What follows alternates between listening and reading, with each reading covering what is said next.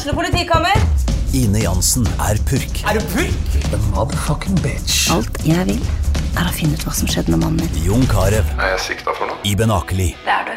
Ole So, Lars Berrum og Big Daddy Karsten. Hvem sin side er du på, egentlig? Anette Hoff, Tone Danielsen, Kommer du fra Afrika? Jørnis Josef, Nesten. Kløfta. Trond Espen Seim, Det er synd å si det, men det var feil mann som døde. Purk. Premiere tirsdag på TV2 Play.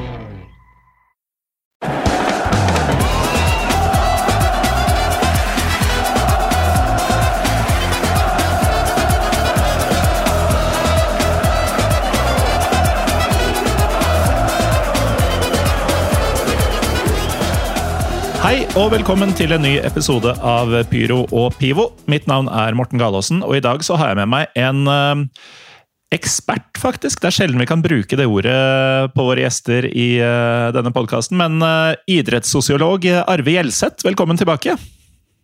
Takk for det. Er du komfortabel med bruken av ekspert?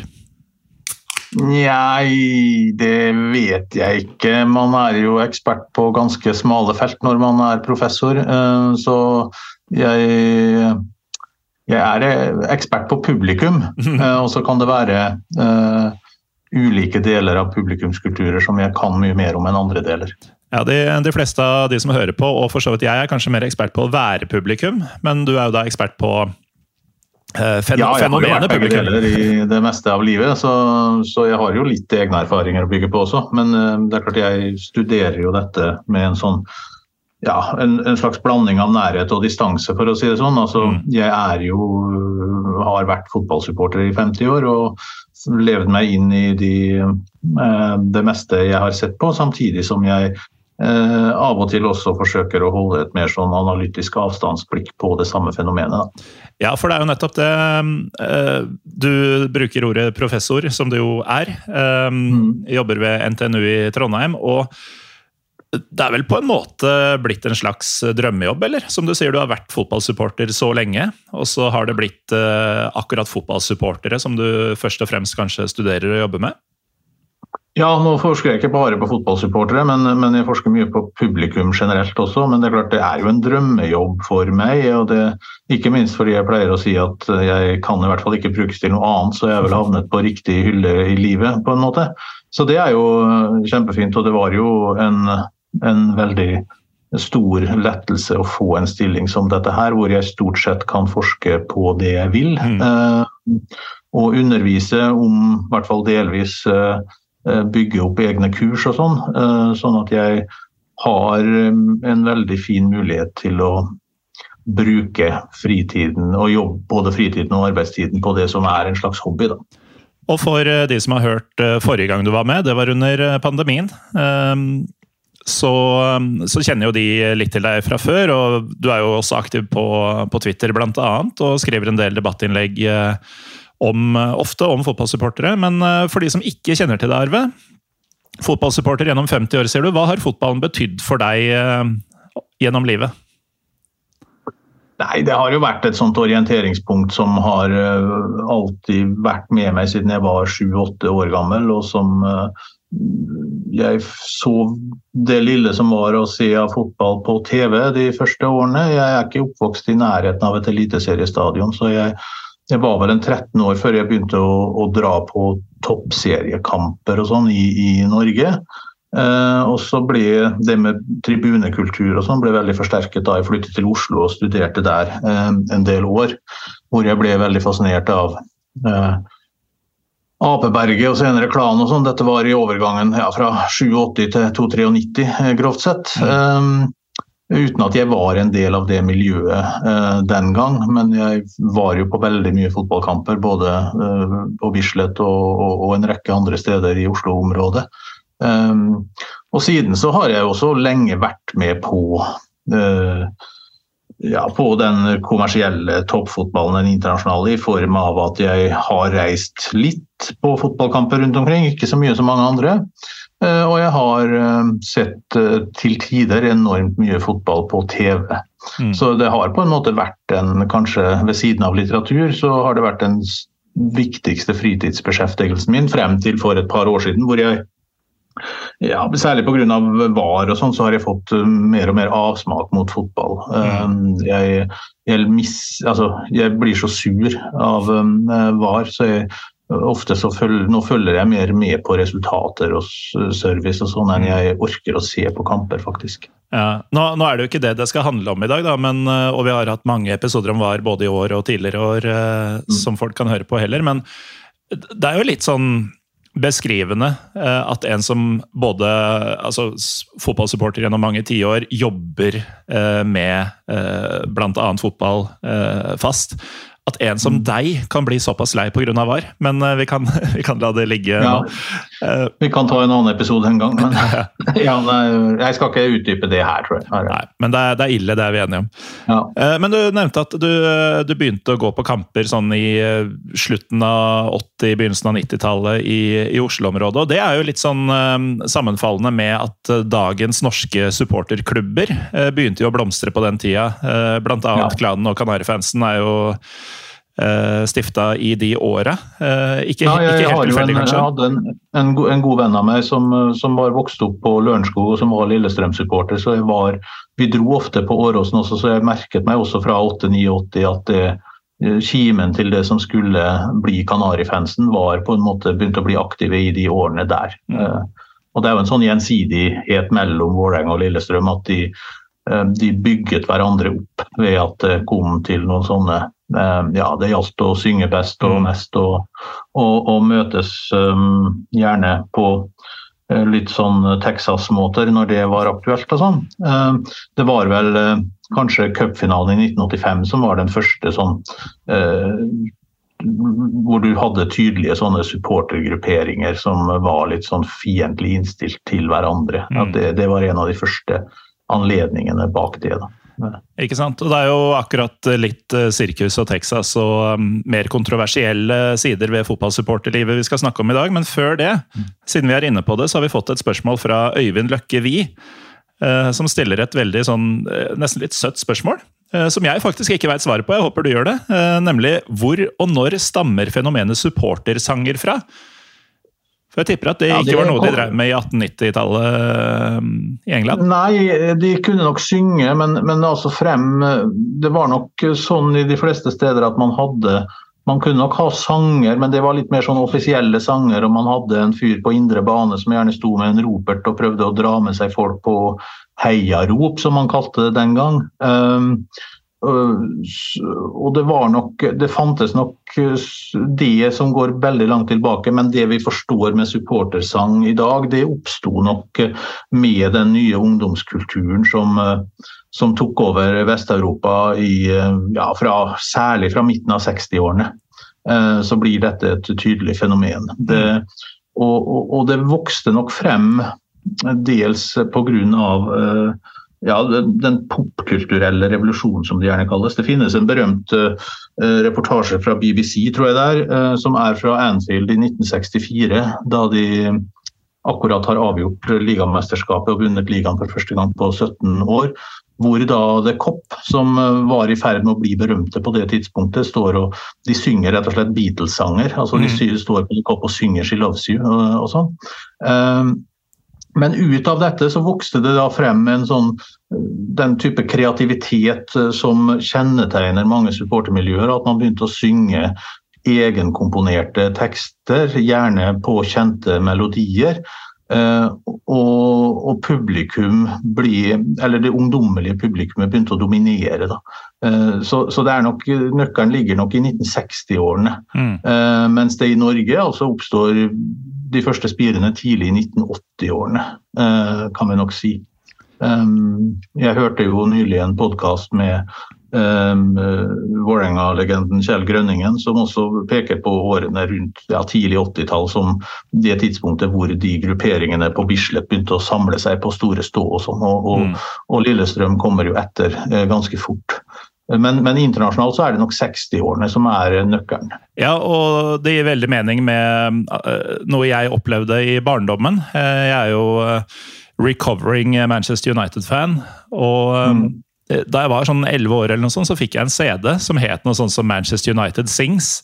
Og den viser seg å være fra 70-tallet, hvor da mm, det er rett og slett litt sånn korversjoner hvor spillerne til Manchester United den gang sang eh, det som jeg eh, som 11-åring trodde bare var eh, på et eller annet vis United-sanger, men det viser seg at det var sånn Raindrops Keep Falling On My Head og Chirpy Chirpy Cheap Cheap og sånne klassiske låter. da. Og at det kom akkurat på den tida, og at det egentlig var coverversjoner av allerede eksisterende sanger, det rimer veldig ja. med det du sier om ja. England og populærkultur på den tida. Ja, nei det var altså Fotball hadde vært en sånn far og, far og sønn-greie i eh, veldig lenge. Men på, med den nye ungdomskulturen så begynte ungdom i større grad å dra på kamp alene. Eh, uten, og, og, og, da ble det litt mer sånn Texas, som er ordet vi kan si her, da, når, når de, de kom, det ble mindre voksenkontroll og sånn. Så på den ene siden så, så, beredet jo det grunnen for en del av de eh, problemene som oppsto i England utover på 70- og 80-tallet. Men på den andre siden så, så skapte det jo en enorm kreativitet når det gjaldt uttrykksformer, sanger, humor, ironi, eh, den type ting som fotballsupportere tradisjonelt har vært veldig gode til. Eh, så, og, og det er Eh, det er på en måte noe av bakgrunnen her. Ja, altså vi, vi, skal jo litt mer inn på akkurat dette med linken mellom trøbbel og kreativitet. og bare Siden du nevner det, den tanke som slo meg mens du prata nå. Uh, man ser jo dette i kunst. altså uh, Folk som presser seg til det ekstreme innafor kunst. Uh, musikksjangre som altså black metal og punkrock og sånne ting. Mm. Veldig sånn ytterliggående greier. Ehm, er det, det er veldig langt hvis jeg sier at det kan være en sammenheng mellom holdt på å si, utagerende væremåte og eh, høy kreativitet? Nei, det tror jeg det er. Altså, du må på en måte For å være kreativ så må du teste grenser. Eh, det er klart, det. Eh, og og når det gjelder fotballkultur, fra, særlig fra slutten av 70-årene, så eh, Det oppsto jo på 80-tallet i England og, og, fra sent 80-, tidlig 90-tallet i Norge så oppsto den fanzinekulturen f.eks. Den har jo sin bakgrunn i punkkulturen fra, mm. fra midten av 70-tallet. Opprinnelig så var det punkfanziner som følte at de ordinære mediene ikke interesserte seg for deres kultur, så de begynte å skrive fanzines, altså Fans Magasin. De begynte å skrive om sine egne lidenskaper selv. Mm. Og, så, og, så, gled de over til å skrive om fotball, en del av dem gradvis. Ja, det, er... Uh, det, er... også sånn kreat, veldig sånn kreative miljøer, naturligvis. Mm. Ja, det er, det er, jo noe som heter at man skal lide for kunsten, og det er det jo mange fotballsupportere som har gjort. Det er jo litt det vi skal snakke om i dag, Arve. Ja. Um, for tema, eller hovedtemaet i dag er jo uh, demonisering av fotballfans, har jeg kalt det. For nå mm. har det vært uh, det har vært ganske mange gode år uh, her i Norge for utvikling av tribunekultur, til tross for pandemien som, som, la en demper på ting over et par sesonger. Um, men nå føler jeg at det blir mer og mer altså Det dukker opp flere og flere saker rundt omkring i Norge som tyder på at ting kanskje er på vei til å presses litt tilbake. og Før vi går inn på de mer konkrete eksemplene på det, da, så um, er jo ofte uttrykket 'ultra' en som går igjen når, um, uh, ja, når det er uh, mye politigreier, mye overskrifter, uh, kanskje kime til mye misforståelser og sånn. Kan vi først prøve å, um, prøve å definere en ultra, hvis det i det hele tatt går an? Nei, det går vel ikke an på noen entydig måte, kanskje. Men det er, altså, ultras er jo beskrivelsen av spesielt dedikerte supportere. Uh, altså de som er enda mer dedikerte enn gjennomsnittet. Uh, og som nettopp ofrer mye for klubben og for tribunekulturen. Da. Det er jo på en måte den tradisjonelle beskrivelsen. Så har nok også Ultrasbegrepet f.eks. i Skandinavia blitt en betegnelse på de som sto i spissen for overgangen fra en mer sånn engelskinspirert eh, tribunekultur som dominerte i Norge i 90-årene, og den mer sånn latinsk-inspirerte som har vært eh, klart mest toneangivende de siste i hvert fall 15 årene. Mm. Um, så, så, fra et supporterperspektiv så er det vel det siste som er på en måte det som skiller ultras fra den tradisjonelle fotballsupporteren. Og Det betyr at de, da har det også noe med alder å gjøre. For når den overgangen til sånn, um, den mer latinsk-inspirerte kulturen kom, så hadde det jo også med et sånn generasjonsskifte å gjøre. Altså de som gründet på en måte norsk supporterkultur. de var jo eh, kanskje født tidlig på 60-tallet, midt på 60-tallet. Sånn. De var i begynnelsen av 20-årene på slutten av 80-tallet da denne kulturen oppsto.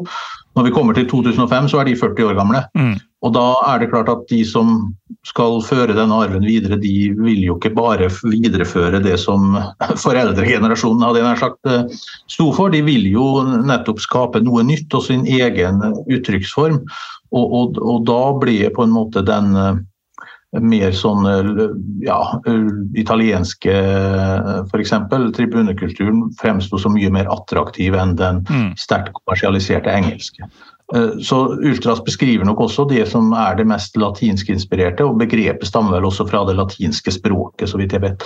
Um, og så er det noen som tror at ultras har noe å gjøre med at du er spesielt aggressiv og sånn uh, å gjøre. Det, det er det nok ikke, men det er klart det beskriver en form for dedikasjon som innebærer veldig sterkt kameratskap blant de involverte. Og ultras har også relativt tydelige grenser mot omverdenen. altså det er jo det som sosiologer kaller for inngruppe versus utgruppe. For å være en inngruppe som føler seg sterkt, en sterk indre samhørighet, så er du samtidig avhengig av at du definerer deg som forskjellig fra noen andre. Mm. Og det, det ser man jo en del eksempler på at uh, når supporterkulturen vokser, så er det alltid noen som vil ha behov for å uh, lage sin egen underkultur innafor den større supporterkulturen, Mm. for vi ønsker å uttrykke oss på en litt annen måte. Og kanskje like naturlig er det at uh, de mer konservative kreftene prøver å holde igjen for akkurat den utviklinga når det skjer. Um, Ja, det gjør det, det, gjør de nok, selv om, eh, selv om jeg tror jo at uh, nå er jo Jeg selv er jo også oppvokst med den mer sånn engelskinspirerte kulturen. Jeg, men, men jeg ser jo ikke på det som noe unaturlig at uh, de som er yngre, eh, velger andre uttrykksformer. Er, jeg er på en måte ikke en del av jeg tilhører ikke fremtiden lenger uansett, så, så, så jeg har ikke, noe, har ikke noe problemer med at eh, de som er 30 år yngre enn meg, foretrekker andre uttrykksformer. Men dette med generasjonsskifte og hvor man får impulsene fra Du nevnte jo at de som var med å starte de eh, supportergruppene vi kjenner i dag, eh, i stor grad var inspirert av tippekampen, eh, engelsk kultur eh, Ja, Det var en del av dem som var, som var en del i England også. Ikke sant? Eh, Eh, Og England var jo da relativt tilgjengelig som reisemål. Men Ja. når du bruker 2005, da, så er det jo omtrent på den tida at både YouTube blir tilgjengelig, hvor man kan se videoer fra tribuner rundt omkring i verden. Og det er også på den tida hvor Ryanair og Norwegian og sånn har sine virkelige glansdager, hvor du kunne reise til Tyskland, Italia osv. for en slikk og ingenting. Ja. Eh, Ja. Hvor mye tror du det har hatt å si for den eh, dreininga mot eh, andre kulturer enn den engelske? Internett har nok hatt enormt mye å si for å spre dette relativt raskt. Og, og reisemuligheter også, naturligvis. Og i tillegg kommer at for de mer sånn eh, ja eh, dedikerte supporterne så var så sluttet på en måte England å være et forbilde nettopp fordi den ble så kommersiell og det var all-seater stadiums og det var altfor mye penger og lite sjel og sånn. Mm. Og, og bare det gjør jo at man kanskje ser andre steder etter inspirasjonskilder. Men uh, helt klart internett var kjempeviktig for å spre dette. Det er litt lettere å spre ting gjennom internett enn gjennom fanziner. Man finner jo i en del sånne fanziner på slutten av 90-tallet så finner man noen, bl.a. en Vålerenga-fanzin som het Alle rettigheter. De la stor vekt på å publisere TIFO-bilder. Mm. TIFO var jo faktisk omdiskutert på den tiden. Var det noe man skulle drive med og sånn, men de hadde på en måte fanga opp litt sånn eh, latinsk TIFO-kultur, og var veldig glad i å publisere bilder av det og sånn. Men, Mm. men det er klart, spredningen blir jo litt begrenset i forhold til det man kan oppnå eh, på sosiale medier og på internett og sånn. Men det er, det er fascinerende åssen det funka i gamle dager. For jeg er, jo, jeg er jo gammel nok til å huske en tid før internett eh, så vidt sjøl. Omtrent på den tida, da, slutten av 90-, begynnelsen av 2000-tallet, så var det jo en svensk fanside som het Tifo Support Skandinavien. Ja. eh, Som var dedikert til altså Det var stort sett bilder og sånn fra TIFO rundt omkring, som eh, denne Hammarby-supporteren i Stockholm hadde fått tilsendt og la ut. Og det betyr jo da at sånne som han, og sånne som eh, eh, han som drev alle rettigheter i sin tid osv., de fikk Mm. jo eh, en større plattform enn veldig mange. altså Man fikk jo en litt sånn Kanskje utilsikta, men man fikk jo en makt. Man fikk jo bestemme litt over hva folk skulle tenke. Ja, ja absolutt. Men uh, nok om det, Arve. Vi, mm. vi, må videre til uh, dette med uh, demonisering og sånn. og Jeg sitter litt fast i ultrabegrepet, fordi det er ofte det som jeg syns Det er kanskje litt sånn derre manglende definisjons Klare definisjoner i offentligheten i Norge. Hva, ja. hva, er alternative supportere, hva er risikosupportere osv. Men ofte så er det jo da ultra som på en måte blir en slags samlebegrep når man ser saker om dette her. Og eh, kanskje spesielt i de mindre miljøene som i Ålesund, Tromsø, eh, mm. riktignok i vekst, eh, Sarpsborg, Sandefjord, hvor eh, man blir veldig sånn eh, Man stikker seg veldig ut hvis man prøver på noe såkalt eh, alternativt i, i, miljøer hvor man ikke kan gli litt inn i en større mengde. Mm. Hvorfor blir akkurat ultras uh, gjerne angrepet da, av medier og, og, andre, når man uh, prøver å skape noe? Nei, det er nok en sånn eh, tendens til altså Jeg tror at mediene, en del medier bruker bare ultra som alt som kan gi et litt sånn skremmende inntrykk. Noe er nytt og annerledes. Og da benevner vi det som ultras fordi de ikke følger den brede eh, landevei, men går på en smalere sti for å skape noe nytt og sånn. Eh, men det, det, som ofte er reaksjonen, er jo at det oppstår det som vi kaller for moralsk panikk eh, når denne typen nyheter får spredning. Da.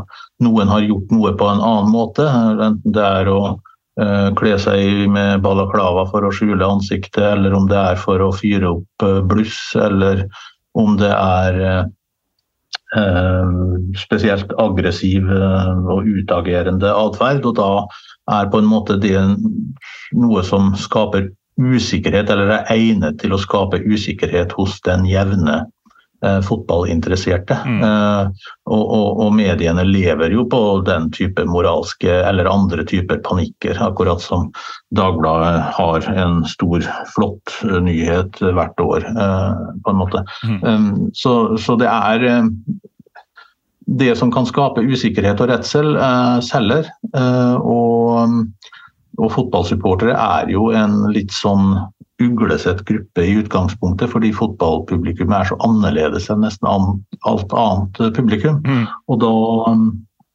og, da, er det lett å skape den type usikkerhet og, og eventuelt tilløp til moralsk panikk som kjennetegner eh, mye av disse historiene her. Da. Men eh, siden du nevner det, mm, du forsker på publikum generelt og sier at fotballpublikummet skiller seg veldig ut fra annet publikum. Eh, mm. Tenker du da på andre idretter eller konsertpublikum, eller uh... Ja, mest eh, andre idretter, men, men det, det, er klart, altså, det, det, finnes publikumsformer som ligner litt på fotballpublikum. Punke- eller hardrock-publikum vil ha flere fellestrekk med fotballsupportere enn publikum på en klassisk konsert, f.eks. Mm. Uh, det, det som kjennetegner fotballsupportere, er at de er relativt utagerende. altså De er en del av showet. Mens et, eh, en del idrettspublikum, f.eks. i tennis, de er rene tilskuere. De sitter og ser på det som skjer, og så applauderer de gode prestasjoner. Mm. Nesten uavhengig av hvem som vinner ballvekslingen, til og med.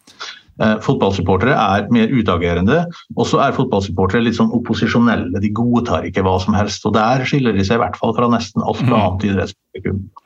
At de har en sånn opposisjonell rolle, enten det er mot klubb eller sponsorer eller Uefa eller Fifa eller NFF eller hva det måtte være. Altså at fotballsupportere lar seg ikke dressere uten videre.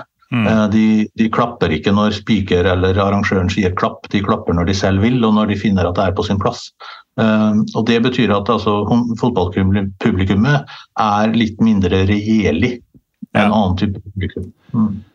Ja, det er jo, det er jo spot on. Bare, som, som, en som ofte går på punkkonserter eh, selv. Ja. Eh, den derre linken mellom eh, altså deltakerelementet. At man skal rett og slett være litt mm. sliten og hes og svett etter å ha vært på enten en konsert eller en ja. fotballkamp.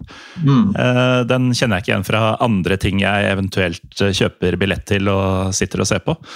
Nei, det er, det, er en, det er, en, stor forskjell om du er, kun er publikum, eller om du også er en deltaker som faktisk bidrar til å skape det eventet du selv konsumerer. Mm. Uh, Så, så ja. Men siden vi har nevnt moralsk panikk og, og, det å dekke seg til, da, du nevnte balaklava, så har vi jo et konkret eksempel fra, fra Tromsø nå, som du sikkert er lei av å både tenke på og skrive om. Du hadde jo en, en kronikk sammen med din kollega lenger nord, Mats Skauge, i mm. Nordnorsk debatt, tror jeg det heter, .no. Ja. Eh, om nettopp det. Og for de som ikke skjønner hva jeg snakker om, da, så var det jo i, eh, på seinsommeren en sak om at en ny gruppe i Forutsatt Tromsø, Alfheimar, stilte opp på et bilde. Og så vidt jeg veit, bare på et bilde uh, som gruppe, bak et nytt banner, hvor de presenterte seg. og Da var det noen som brukte finlandshette, mens de andre på bildet var sladda. Og det, arvet skapte store overskrifter nordpå. Ja, det gjorde det. Og det kan man jo kanskje forstå, fordi den type maskering er jo på en måte noe som forbindes med andre ting enn fotball normalt. Så det er ikke så overraskende at noen reagerer, men, men det er klart når det da oppstår tilløp til nærmest sånn moralsk panikk, så er det i hvert fall min grunninnstilling er at da må man på en måte ta et skritt tilbake og stille noen kritiske spørsmål, mm. uh, i stedet for bare å hoppe på uh, panikken og kritikken og, og, spørre seg hva dette kan være uttrykk for. Uh, det, denne grupperingen her hadde vel også et navn som noen på en måte assosierte til noe mer sånn høyre-radikalt, eller i hvert fall nasjonalistisk, i og med at det skjedde da i etterkant av denne om, mm. omdøpingen av Alfheim til Romsa Arena. og så tenker man at dette er noen som vil ha en slags omkamp om det og sånn. Uh, og det kan jo godt hende at noen har tenkt at det er en uh, måte å provosere frem litt, uh, litt motstand på. Men, men det, det, blir veldig fort sånn overtolket da, mm. av de som ikke helt forstår verken dette fenomenet eller denne kulturen mer generelt. Ja, Det var veldig fort gjort for mange, så jeg, å rett og slett tillegge gruppa både intensjoner og holdninger og meninger som de ja. Ja, ja. ikke nødvendigvis hadde. da. Ja, det er jo litt sånn, og det gjelder jo på en måte norsk offentlighet generelt, at det er litt vanskelig for enkelte å, å på en måte ta ting i beste mening. Mm -hmm. um, hvis noe kan assosieres med noe det er negativt, så er det også den riktige tolkningen. Eh, så ja, det, det, er, det, det har vi sett før. Men, men for fotballsupporters del har det jo på en måte vært noe som har vært med denne kulturen eh, i, i snart 40 år. Ja, altså, jeg syns jo den eh, spesifikt den saken i Tromsø er ganske fascinerende. fordi allerede dagen etter så tok jo er det Nordlys, eh, tror jeg, avisa heter. Eh, de tok jo kontakt med bl.a. Eh, Morten Killingberg, leder i Forestad Tromsø, men også meg. Mm. Hvor da Altså Forestad Tromsø, stor vekst på miljøet der, og sånn, men det er fortsatt et relativt lite miljø. og gudene skal vite at uh, ledelsen der veit hvem de forskjellige er. Så ja. uh, selvfølgelig snakk med Morten Killingberg og, og få mm. svar. Mm. han ga veldig gode svar, syns jeg. Og så mm. kom jeg med en litt mer objektiv tilnærming til hvorfor Uten at jeg er noen fagperson på dette, altså, men til hvorfor man kan velge å maskere seg uten å nødvendigvis ønske bråk og den type ting. Ja. Mm. Og da tenkte jeg at eh, ok, nå har de starta på et godt sted. Nå, nå etterlyser mm. de de svarene og spør om de tingene som er. Men så, ja. i ettertid av dette, så sklei jo den saken helt ut av kontroll. Man hørte om at uh, politiet hadde kontakta arbeidsgivere, og jeg vet ikke helt hva som er sant og ikke, men uh, det, det, ble jo flere uh, altså redaksjonelle meninger om dette her osv. Etter at mm. man egentlig hadde fått svar på at dette var egentlig ikke så skummelt. Man mm. vet hvem disse folka er. De hadde ikke på maske hele dagen, det er bare å komme bort og hilse osv. Ja. Eh, hvor, hvorfor skjer dette? For det er jo ikke første gang eller siste gang.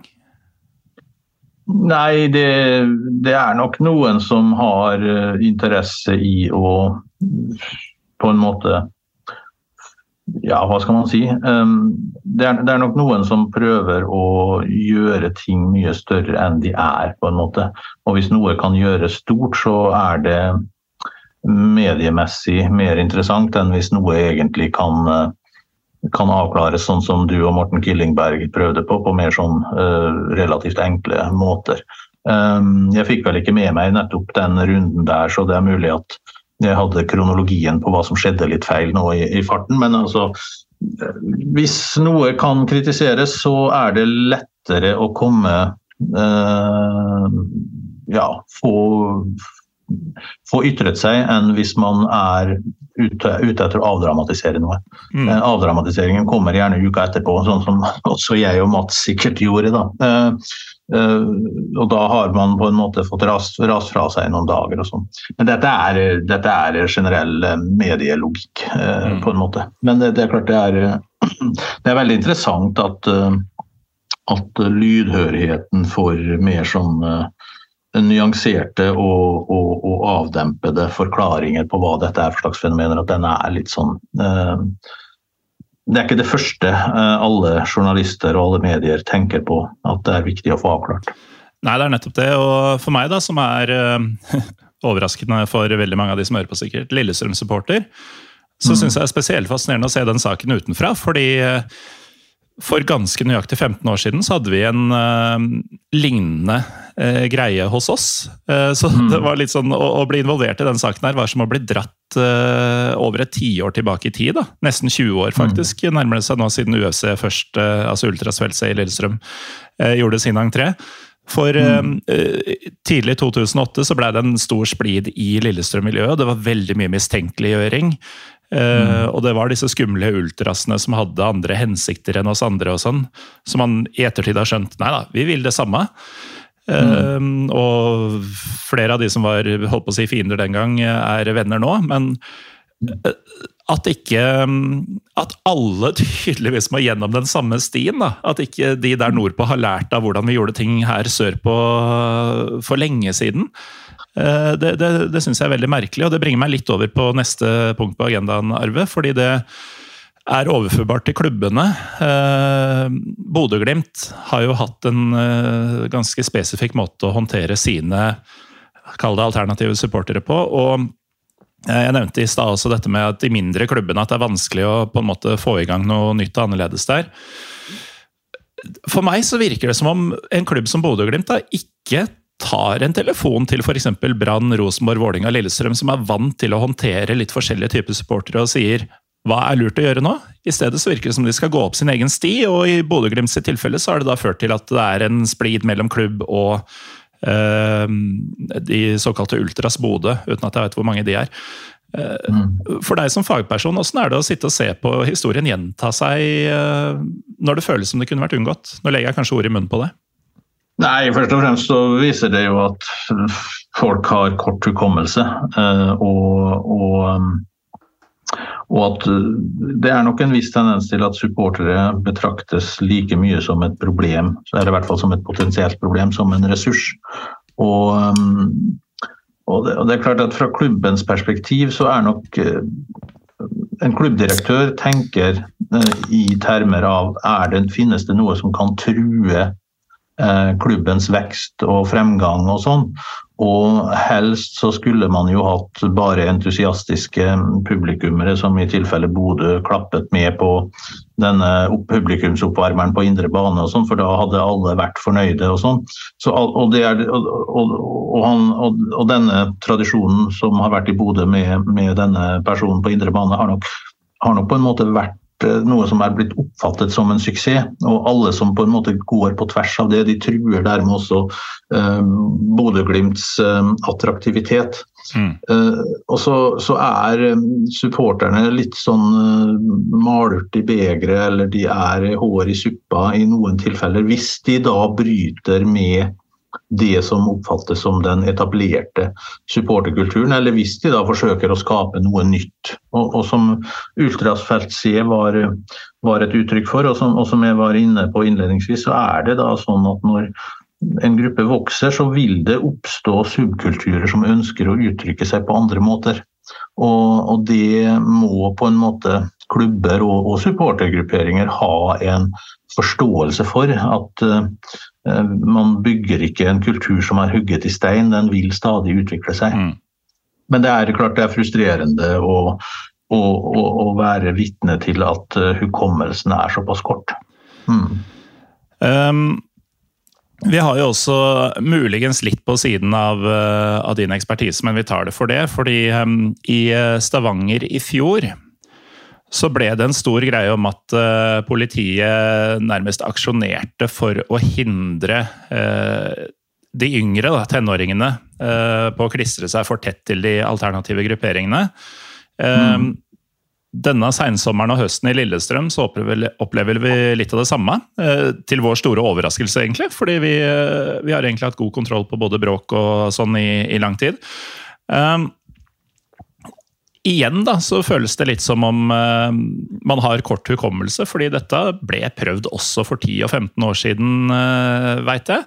Jeg trodde det var en grunn til at politiet hadde slutta med det, før de nå var i gang med det igjen. Og jeg vet at de som uh, i, Lillestrøms tilfelle nå, da, som jeg kjenner best, så er det sånn at de såkalte juniors, som er en yngre avdeling av Ultras de eh, har veldig mye fokus på seg fra, fra politiet eh, om at de mm. bør ikke gå opp denne stien osv. De er skumle, de som dere går på kamp med og greier. Og så veit mm. at eh, noen av disse skumle voksne i UFC nå, de var jo juniors i sin tid, og de har jo fått eh, Nå skal jeg ikke utlevere for mye, men altså, det er folk som har eh, høye stillinger innenfor det statlige, det er jurister altså det, er, det har ikke gått til helvete med disse folka. Ja. Hvorfor bruker man så mye ressurser på uh, å, å, skremme scare teens straight, som man ville sagt i USA? Nei, det er uh, veldig uheldig, uh, rett og slett. Det er ikke noe særlig mer å si til det. Men det er også igjen da, en, en, et uttrykk for at hvis man vil hindre yngre i å bli en del av eller komme for tett på en gruppering, så er det jo en, på en måte en sånn smitteteori som ligger i grunnen. At dette er en, en gruppering som er eh, farlig, eh, og som mm. vi ønsker å hindre rekruttering til. Det er jo det man sier i praksis. Ja. Um, så det, det, virker som man tror at dette er noe sånn potensielt kriminelle nettverk som det gjelder å holde ungdommen borte fra. Da. Eh, så jeg syns det høres veldig merkelig ut, i hvert fall. Eh, hvis man ikke sitter på mer informasjon om disse enn supporterne selv gjør. og Det mm. tviler jeg på at politiet gjør. Eh, så, så det er klart Ja, nei, det, det, det, virker som de innbiller seg at det er snakk om eh, miljøer som vil bidra til at disse yngre kommer ut på skråplanet. Mm. Og det gjelder det å hindre dem i. Da er det bedre at de sitter og klapper eh, høflig, på en måte. Um, ja, da er jo ringen på en måte slutta um, tilbake til det vi begynte å snakke om, dette med alternative supportere, ultras osv. At de stadig blir sett på som en, en risiko, en utfordring. Altså Vi snakka om det som no, noe som ikke kan kues på, på samme måte som, som en tennistilhenger. da. Nei. Men hvor, hvor, farlig er det egentlig? Altså, i, i norsk uh, målestokk, da. Hvor mye problemer har vi egentlig med uh, kriminalitet og organisert kriminalitet som har vært linka til supportermiljøene? Altså, det må være forsvinnende lite? Ja, veldig lite, og, og, mindre vil jeg tro enn for 30 år siden også. Uh, da det ikke fantes ultras og alternative grupper osv.? Hæ? Da det ikke fantes Nei, det fantes jo en del det, det, fantes jo folk som eh, var i utkanten av supportermiljøet, som, som prøvde å rekruttere til f.eks. nazistiske grupperinger og sånn. Det har man jo sett også internasjonalt. Um, så, men det, mitt inntrykk, uten at jeg kjenner dette miljøet like godt som jeg gjorde for 20 år siden, så, så er vel mitt inntrykk at det problemet faktisk er mindre nå uh, enn det enn det var i de årene da supporterkulturen begynte å sette seg. Ja. Men eh, nei, det, det, er veldig snodig eh, at de, at de tenker sånn. Ultras er en Ja, ultraskulturen kommer vi ikke unna, tror jeg. Det er veldig vanskelig å tenke seg fotball som en så stor publikumsidrett som den er, uten at du har en del grupperinger som forsøker å teste ut grenser, mm. og som forsøker å fornye og, og, være innovativ, som er et så populært ord for tiden. Eh, kulturen eh, på sine måter og på sine premisser. Og, og, og, klubbene og fotballen må på en måte eh, i hovedsak se på det som positivt, så lenge det foregår innenfor rammer som er akseptable, og så mm. lenge det fører til relativt små problemer. Og det, det er altså De representerer et veldig lite problem i, i, i, det norske samfunnet og i norsk fotball i dag. Men det er klart hvis de, hvis de blir eh, stigmatisert for mye, så kan det på en måte gå troll i ord også. Mm. For jo, jo, jo mer uglesett de er, jo mer vil de lukke seg rundt seg selv, på en måte. Ja, og ikke minst eh, den derre 'vi skal vise dem, vi mot verden'. Eh, den får jo ja. virkelig feste rot. Ja, det blir Ja. Mm. Men jeg, syns det er litt sånn fascinerende at dette skjer i såpass nyere tid, både i Lillestrøm og, og Stavanger, som jeg nevnte. Nå kjenner jeg ikke dem like mm. godt, men jeg veit jo at veksten der eh, de siste årene har jo i stor grad vært et resultat av eh, større gjennomsiktighet. At man har skapt en sånn paraplyvariant av de forskjellige typer supportere som nå jobber for det samme osv. Ehm, etter urolighetene vi hadde i Lillestrøm for 10-15 år siden, så har vi også kommet sammen på en helt annen måte enn vi var tidligere. Sånn at eh, det, er ingen som gjemmer seg unna lenger, verken i, verken i Stavanger eller i Lillestrøm. Altså, klubbene veit hvem de forskjellige er. Eh, de mer eh, offisielle supporterklubbene veit hvem de forskjellige er. Man samarbeider godt og er ikke bekymra. Hvorfor skal noen andre være det? Nei, Jeg vet ikke om det kommer hovedsakelig fra politiet eller om det kommer fra klubben eller fra norsk fotball, denne, denne litt sånn overdrevne bekymringen. Ehm, for eh, fotballen sin del så er den primært opptatt av merkevaren, og merkevaren må i minst mulig grad assosieres med vold og bråk, for mm. da kan du skremme den jevne eh, publikummer fra å komme. Ehm, fra fotballens perspektiv så er nok eh, Nei, Fra politiets perspektiv så, så er nok på en måte deler av disse grupperingene ansett som sånn, litt sånn potensielle forstyrrere av lov og orden, eller antisocial behavior, som man sier i, sier i, England. Og at de er noe som gjør at man følger med. Eh, men eh, de følger nok litt for godt med, altså. Sånn som hvis man ser på hvordan situasjonen er i norsk supporterkultur i dag, så, så har det vært relativt rolig lenge. Det er lite problemer med Eh, tribunevold, og ikke minst det som måtte være av diverse trefninger og sånn, involverer i veldig liten grad eh, den jevne eh, fotballtilskuer. Eller på, på, andre plasser. Sånn at risikoen for oss andre er så liten mm. at det virker på meg veldig overdimensjonert. Ja, og... Men alt som er litt sånn hemmelig, er selvfølgelig også litt sånn potensielt skummelt. Mm. Og, og, hvis man da stiller med finlandshetter eh, på et bilde, så, så, assosieres man nettopp med det hemmelige. Så her er det noe som man må følge med på, på en måte. Ja, men det, det er nettopp det at det, det kan framstå som hemmelige på de bildene og sånn, men verken Viking, Lillestrøm eller Tromsø sitt supportermiljø har jo virka lukka eh, i møte Nei, med med henvendelser fra det offentlige på hva, hva, er dette her for noe, hva er det dere driver med.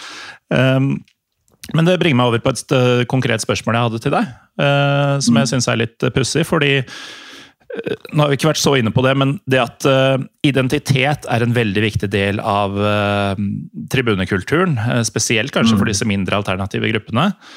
Mm så er jo ofte, det er jo ofte de som bruker masker og maskering og holdt på å si hemmeliggjøring. Og det skjuler jo identiteten. Ja. Litt paradoksalt? Ja, det kan det nok være, men det er jo på en måte i veldig stor grad en kollektiv identitet de uttrykker. Ehm, de, de er, utgjør et kameratskap som er dedikert til en klubb eh, og til fotballen.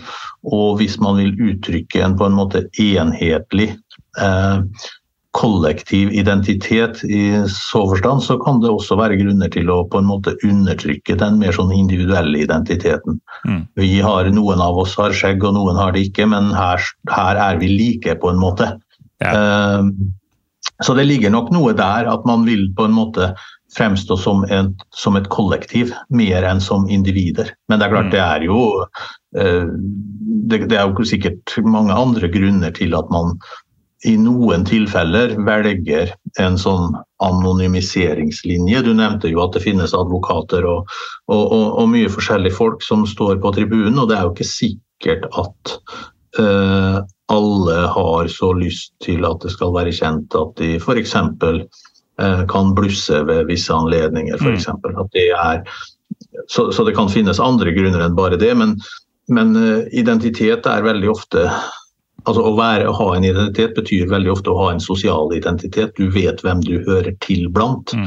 Og Hvis man vil symbolisere hvem man hører til blant, så kan det være like stor grunn til å underkommunisere ditt individuelle preg og løfte frem det som forener oss, som gjør oss til en enhet. Dette var herlig ehm, sosiologisk eh, uttalt, eh, Arve. Uh, skulle... Ja, det, akkurat den falt meg ganske lett. Men eh, vi har fått eh, Nå tar jeg deg litt på off guard her, men vi har fått en sein Eh, et seint innspill fra Twitter. Eh, mm. Og vi er jo fortsatt inne på politi, da. Eh, og ressursbruk, fordi nå, du har sikkert hørt om Rosenborg sin marsj i, i Lillestrøm for et par uker siden. Og i det hele tatt jeg var jo der selv, så jeg kan jo bare si rett ut. Det var enorme mengder med kjøretøy. Det var drone i lufta, det var helikopter i lufta, det ble brukt pepperspray mot folk jeg så ikke gjøre noe, bl.a. Lillestrøm sin supporterkoordinator. Mm. Vi trenger ikke å ta stilling til på en måte hva som er rett og galt her, men som en som har forska på publikum i så lang tid, og vært en del av fotballpublikum i så lang tid som deg, eh, hvor overraska er du over at eh, man ser sånne ting i Norge høsten 2023? Ja, jeg er nok relativt overrasket over det. Eh, jeg syns at jeg vil ikke uttale meg om eh, ting jeg kjenner veldig dårlig til og hva som var og graden av hensiktsmessighet, men jeg har en mistanke om at den var ganske liten. Mm. Uh, hvis det er sånn som, omtrent sånn som du beskriver her. Men det er en sånn uh, De har nok lavere terskel for å bruke uh, virkemidler hvis det er definert som en høyrisikokamp. De bygger på naturligvis Eh, tidligere erfaringer. Mm. Og de, de, vil på en måte opptre preventivt. Og, og, det er selvfølgelig problematisk fordi man føler seg da skyldig uten noen form for bevis, fordi man er der mm. og fordi man representerer en gruppering. Uh, det er det er ikke noe bra, altså. Nei, man starter litt i feil ende? Ja, man gjør det. Uh, så jeg tror, ikke, jeg tror ikke det er veien å gå uh, i, det, i, det, hele tatt. Uh. Men uh, avslutningsvis, avslutningsvis Arve. du har jo fulgt supporterkultur, og da norsk supporterkultur, kultur, som vi snakker om i dag. Fått med et par øl, jeg merker jeg. tett over lengre tid. Hvordan ser du på utviklinga framover? Altså, det er jo veldig mange klubber som har Eh, forbedring i stemning på stadion. Da. Uh, uten at man skal si hvorvidt det er en forbedring i supporterkultur og miljø og sånn. Um, hvordan, hvordan, går det videre nå? Nå får vi Fredrikstad opp. Flere publikumskamper automatisk. Vi får riktignok også antagelig Kristelig forening for unge menn i Oslo opp, som betyr det motsatte. Men Ehm, I den striden som mange supportere føler de er i mot både klubber, myndigheter, fotballforbund osv. Og, så um, og alle andre faktorer. Kjempestort spørsmål. Hvor er, uh, hvordan ser det ut på norske tribuner om et år eller to eller fem, uh, tenker du? Om 15 tror jeg er veldig vanskelig å si. Uh, om et år eller to så ser det nok ut omtrent som i dag, men med litt flere folk i klakken, som, som svenskene sier. Mm supporterklubbene i mange av disse supportermiljøene er i vekst mange steder, i likhet med publikumstallene generelt. Det er veldig fint for norsk fotball at Fredrikstad kommer opp igjen, absolutt. At de får følge av KFM Oslo er kanskje ikke like sånn attraktivt fra et publikumsperspektiv, men det er jo tross alt det sportslige som skal eh, avgjøre dette her uansett. Mm. Um, så når det gjelder nye kulturelle trekk, så, så, er det vanskelig å identifisere noen sånn tydelig overgang som, eh, som uh, overgangen til en mer sånn latinsk inspirert kultur representerte for 15-20 år siden. Det er vanskelig å vanskelig å identifisere noe som er på gang som noe helt nytt per i dag, på en måte. Mm. Men uh, om 15 år så er det helt nye generasjoner som vil uh, dominere på tribunen, og som vil skape noe eget. Så, så, det er klart, dette vil ikke Som jeg sa, dette er aldri hugget i stein hva som er um, den korrekte måten å opptre på. Mm. Men um, jeg er jo litt sånn bekymret for fotballinteressen sånn generelt blant yngre. Ehm, jeg har vel eh, en følelse av at eh, om vi ser bort fra de aller mest dedikerte, så er på en måte publikum begynner å bli litt sånn alderstegent, og man ser på rundt omkring seg. At det er, det er, færre skolebarn som går sammen på kamp og sånn, har jeg inntrykk av, enn det var for, for 30-40 år siden. Så, så, jeg er litt usikker på hvordan det blir målt opp mot Alf Inge Haaland og, og sånt, og TV og, og, mm. uh, og sånn for norsk fotball i et 10-15 års perspektiv. Det må jeg vel si. Det er interessant at du nevner, fordi vi har jo ofte episoder, kanskje ikke ofte nok, vil noen mene, eh, hvor vi har supportere av norske klubber og prater litt om, eh, om tribuneliv og sånn eh, rundt omkring i landet. Og noe vi har vært enige om på flere fronter siste året, halvannet, eller etter pandemien, da, det er at man nå ser flere unge komme til enn det man gjorde før pandemien. Fordi det var sånn felles bekymring for både Gods, eh, Lillestrøm, Rosenborg eh, Altså de fleste, var at uh, ultraene, f.eks., de som dro toget i 2015, var fortsatt de samme i 2019. Mm. Mens i 2021-2023 så har det kommet flere unge krefter, krefter til.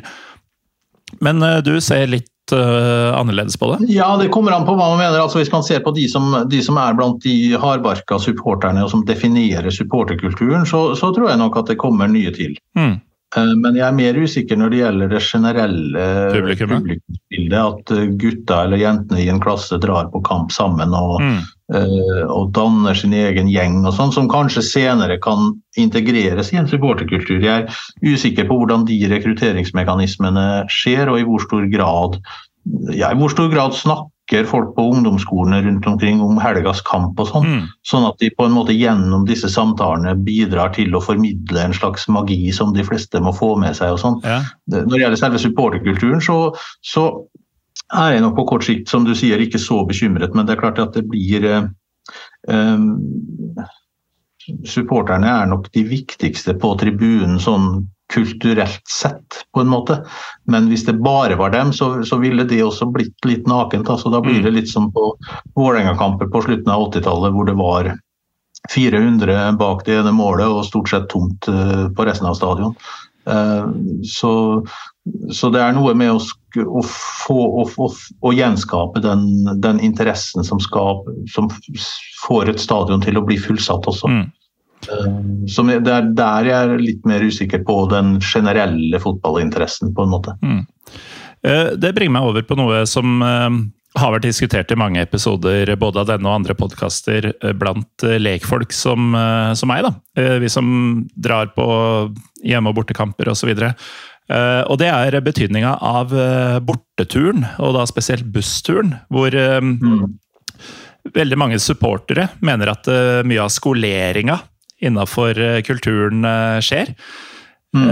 Og akkurat den delen er det jo ikke veldig mange skolebarn med på, da, holdt på å si heldigvis. Men uh, ha, har du noe inntrykk av uh, hva som er de viktigste skoleringsarenaene for, for supportere? Nei, det er, nok, det er, nok, som du sier. Altså, det er de anledningene man har hvor man får brukt en hel dag og kanskje til og med en overnatting sammen med venner og og for å internalisere koder og, og i det hele tatt uh, bli kjent med hvordan man opptrer i sånne sammenhenger. Mm. Borteturen er kjempeviktig. Uh, det kan også være at i visse sånne tilfeller så kan lørdagskamper være viktigere, fordi man får en større, litt større flate å operere på sånn timemessig enn man gjør på en søndag hvor man må komme seg hjem etterpå for å dra på skole eller jobb og sånn dagen etter. Eh, men borteturen er, er viktig. Og, og, internasjonalt så ser man jo at de fleste er jo De liker ofte borteturer bedre enn hjemmekamper, Mm. for da er det bare den uh, kjernen av supportere som på en måte henger seg på. Uh, og så lærer man opp de som er med for første eller andre eller tredje gang. Uh, så sånn sosialiserings-, skoleringsmessig så er den type arenaer hvor man har betydelig med tid til rådighet, gjerne i en seks timer i buss eller hva det måtte være, eh, kjempeviktig. Fordi man må får lære seg hvordan man skal opptre, og ikke minst hvordan man ikke skal opptre. Eh, og så forhandler man om hvor mye det er eh, fornuftig å drikke, og hvor, eh, hvor høyt det er, hvilke sanger man, hvilken musikk som skal spilles på bussen og sånn, og så skjer det en sånn skolering gjennom det. Og så finner alle sin, gru, sin eh, gruppering internt. Hvem, hvem av disse passer jeg best sammen med? Og det er jo nettopp også identitetsskapende. Mm.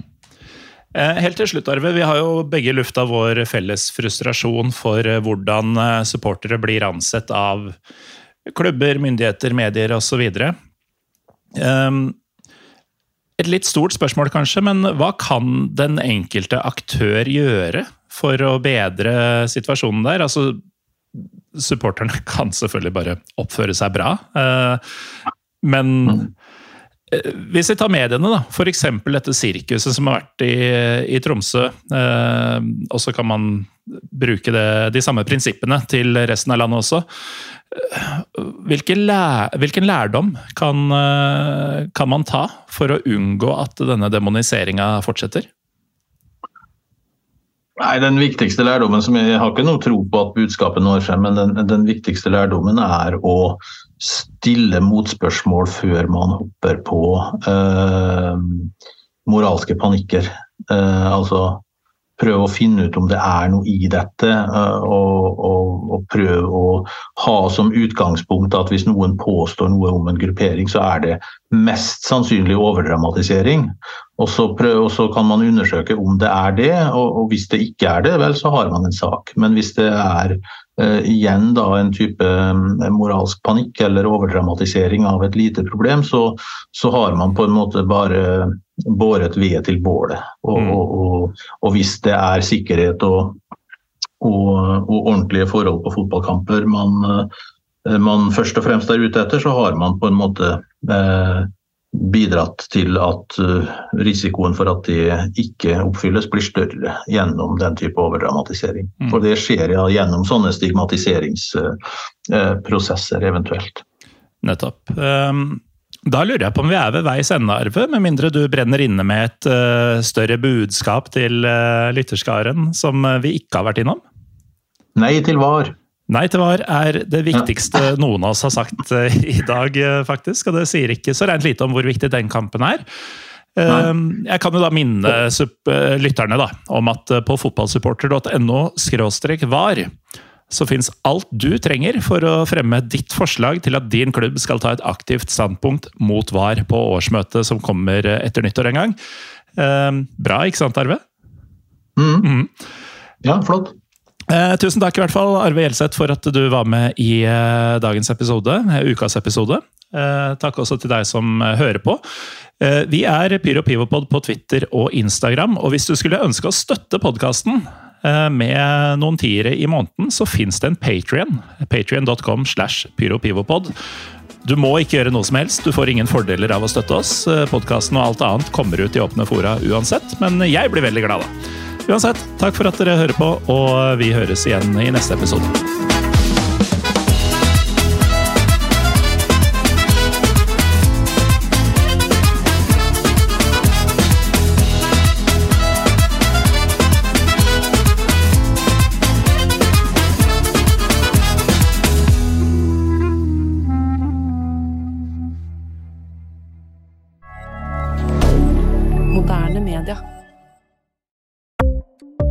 Ukens annonsør er HelloFresh. HelloFresh er verdens ledende matkasseleverandør og kan være redningen i en travel hverdag. Mange av oss har nok vandret i butikken både sultne og uten en plan for middagen, som ender med at vi går for de samme kjedelige rettene gang på gang. Middag burde være dagens høydepunkt. Som Hello Fresh kan du nå velge mellom 25 ulike retter hver eneste uke, eller få Hello Fresh til å sette sammen menyen for deg. Dette gir deg muligheten til å prøve nye og spennende retter alene eller sammen med familien. Du velger antall porsjoner og får alt levert på døren på et tidspunkt som passer for deg. Oppskriftene er enkle, og maten er lett å lage både for store og for små. Ved å få alt levert hjem får du også mer tid til å dele matgleden med familie og venner. Kanskje det frister med asiatiske tacos eller greskinspirert kylling? Da kan jeg anbefale deg om å gå inn på hellofresh.no. Her kan du bruke koden FOTBALL og få opptil 1779 kroner i rabatt på de første fem matkastene hvis du ikke har prøvd Hello Fresh tidligere. Du kan også bruke rabatten hvis du har vært kunde og stoppet abonnementet ditt for tolv måneder siden eller lengre. Gå inn på hellofresh.no og bruk koden FOTBALL. Har du et enkeltpersonforetak eller en liten bedrift? Da er du sikkert lei av å høre meg snakke om hvor enkelt det er med kvitteringer og bilag i fiken, så vi eh, gir oss her, vi. Fordi vi liker enkelt. Fiken superenkelt regnskap.